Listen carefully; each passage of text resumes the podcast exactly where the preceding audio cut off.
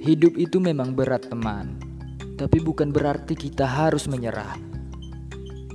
Kita wajib melangkah, jangan biarkan kesepian membunuh diri kita sendiri. Tidak apa-apa merasakan sedih karena kita adalah manusia.